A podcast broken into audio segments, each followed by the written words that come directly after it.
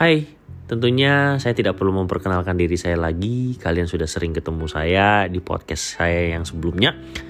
Nah, kali ini kita sampai ke episode yang ketiga. Mohon maaf ya bagi kalian yang sudah dengar sebelumnya saya tidak konsisten. Mohon maaf banget ya karena ada beberapa satu dan lain hal yang membuat saya sangat sibuk sehingga saya nggak keburu untuk membuat podcast ini. Nah, hari ini kita akan membahas topik tentang keras kepala. Ya, tentunya kalian sudah sering dengar juga kalimat-kalimat yang sering keluar dari orang-orang yang keras kepala seperti kayak gini nih. Dia keras kepala banget deh. Ampun gue kayaknya nggak cocok nih sama orang kayak gini nih. Keras banget. Kok lo nggak bisa berubah sih keras kepalanya? Hari ini ya, gue mau bahas tentang keras kepala. Menurut kalian, keras kepala itu bagus atau enggak sih? Kalau kita misalnya relate dengan hal-hal seperti kehidupan sehari-hari, hubungan dengan pasangan, dan pekerjaan dari semua ya eh, permasalahan yang ada nih di orang keras kepala ya. Kita relate dulu nih orang keras kepala ini apa saja yang berhubung apa saja sifat-sifat yang berhubungan dengan orang-orang seperti ini. Keras kepala itu identik dengan dia itu nggak mau kalah argumen satu ya. Yang kedua dia itu selalu benar nggak pernah salah. Defensif dan yang terakhir adalah tukang bantah. Nah kita akan breakdown nih mulai dari kehidupan sehari-hari ya. Di kehidupan sehari-hari orang keras kepala itu pasti akan selalu menjadi orang ya yang tanda kutip nih banyak masalah dalam hidupnya. Ya, bukan maksud saya masalah itu adalah masalah dia mencari masalah dengan orang lain, tapi memang hidupnya itu penuh aja dengan masalah. Yang masalah itu dia ciptakan dalam dirinya sendiri, ya. Karena kenapa? Karena banyak hal yang tidak sesuai dengan kemauannya si orang keras kepala ini. Ya. Kadang juga dia merasa semua yang terjadi itu bisa berjalan dengan lebih bagus kalau begini, kalau begitu, ya. Sesuai dengan maunya si dianya ini, ya. Karena kenapa? Mereka selalu menganggap orang lain yang salah dan dia yang benar. Coba deh Nih, ada saran sedikit ya, ada pendapat nih, bukan saran ya, ada pendapat dari saya nih. Coba deh, bagi yang keras kepala, yang juga sebenarnya nih, orang perfeksionis. Cie, orang perfeksionis nih ya. ya, bener. Orang keras kepala itu adalah sebenarnya orang yang perfeksionis juga ya.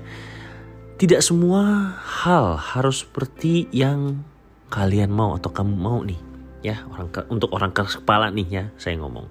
Hidup itu banyak pilihan Kenapa orang lain harus sesuai dengan kemauan Anda? Ya, cara Anda. Tidak semuanya juga yang Anda anggap benar itu berarti benar dan baik untuk orang lain.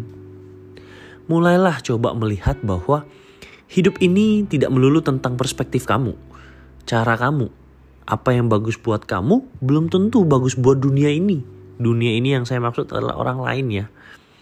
Dalam kehidupan ya kita tidak bisa memusatkan titik di kita semua. Karena hidup ini itu universal bukan cuma tentang kita sendiri ya.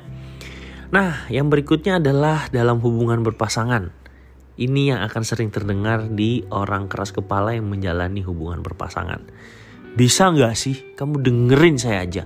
Kenapa kamu keras kepala banget Padahal dia ngomong gini ini sebenarnya karena dia keras kepala juga. Makanya dia marah. Kenapa? Karena pendapatnya nggak didengar. Oke, okay? gini. Uh, sebenarnya di dalam hubungan pasti akan ada yang keras kepala. Bahkan bisa saya di dua-duanya keras kepala. Kenapa? Karena kalian di tahap memasukkan hidup dan pola hidup orang lain ke hidup kamu. Terus gimana dong solusinya? Apakah ada solusi yang bisa membuat hubungan ini menjadi lebih baik misalnya. Ya solusinya adalah salah satunya harus mengalah atau kalau mau lebih bagus dua-duanya harus saling mengerti dan mengalah satu sama lain. That's it. Titik. Nggak pakai koma. Hah? Kok gua sih yang ngalah? Kok bukan dia? Kenapa jadi gue yang ngalah? Gini, kalau kita sayang sama seseorang nih ceritanya, pasti dibela-belain buat ngalah sama orang yang kita sayang. Sama kayak orang tua kita nih kenapa bisa tetap sayang sama kita walaupun kita bantah sama dia kita keras kepala sama dia ya karena kenapa karena merasa itu anak saya itu orang yang saya sayang ya betapa saking sayangnya orang tua kita itu ke kita sampai apa pun yang kita lakukan ke mereka, even menyakitin mereka, mereka tetap sayang kita. Nah, konsep ini yang harus dibawa ke hubungan nih ya bahwa seberapa besarkah kamu sayang orang itu sampai kamu mau rela berkorban? Bukan berarti kita terus-terusan sakit ya tapi kita berkorban oh uh, saya ngerti untuk yang kayak gini memang dia gini orangnya tapi dia ada kok hal-hal yang baiknya. Nah seperti itu. Karena wise man said bilang dan gue cukup setuju pendapat ini bahwa tidak ada orang yang cocok yang ada orang yang saling mencocokkan diri saja karena kalau sayang, kita pasti rela berkorban untuk uh, mengalah ke orang itu, mencocokkan diri ke orang itu.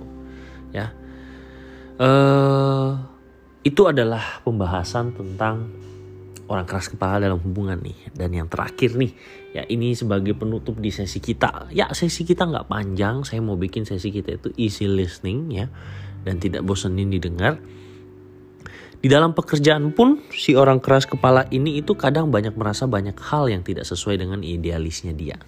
Ya. Disuruh melakukan sesuatu sama atasan dan tidak sesuai dengan prinsip atau cara kerjanya dia, dia pasti menolak dengan keras kepala bantahan dan arahan dari bos itu. Ya. Pasti akan ada yang berpendapat bahwa, "Oi, tidak semua yang bos suruh pasti benar. Oi, kita harus melakukan yang benar, kita harus melakukan yang begini, yang begitu benar. Idealis kamu itu bagus."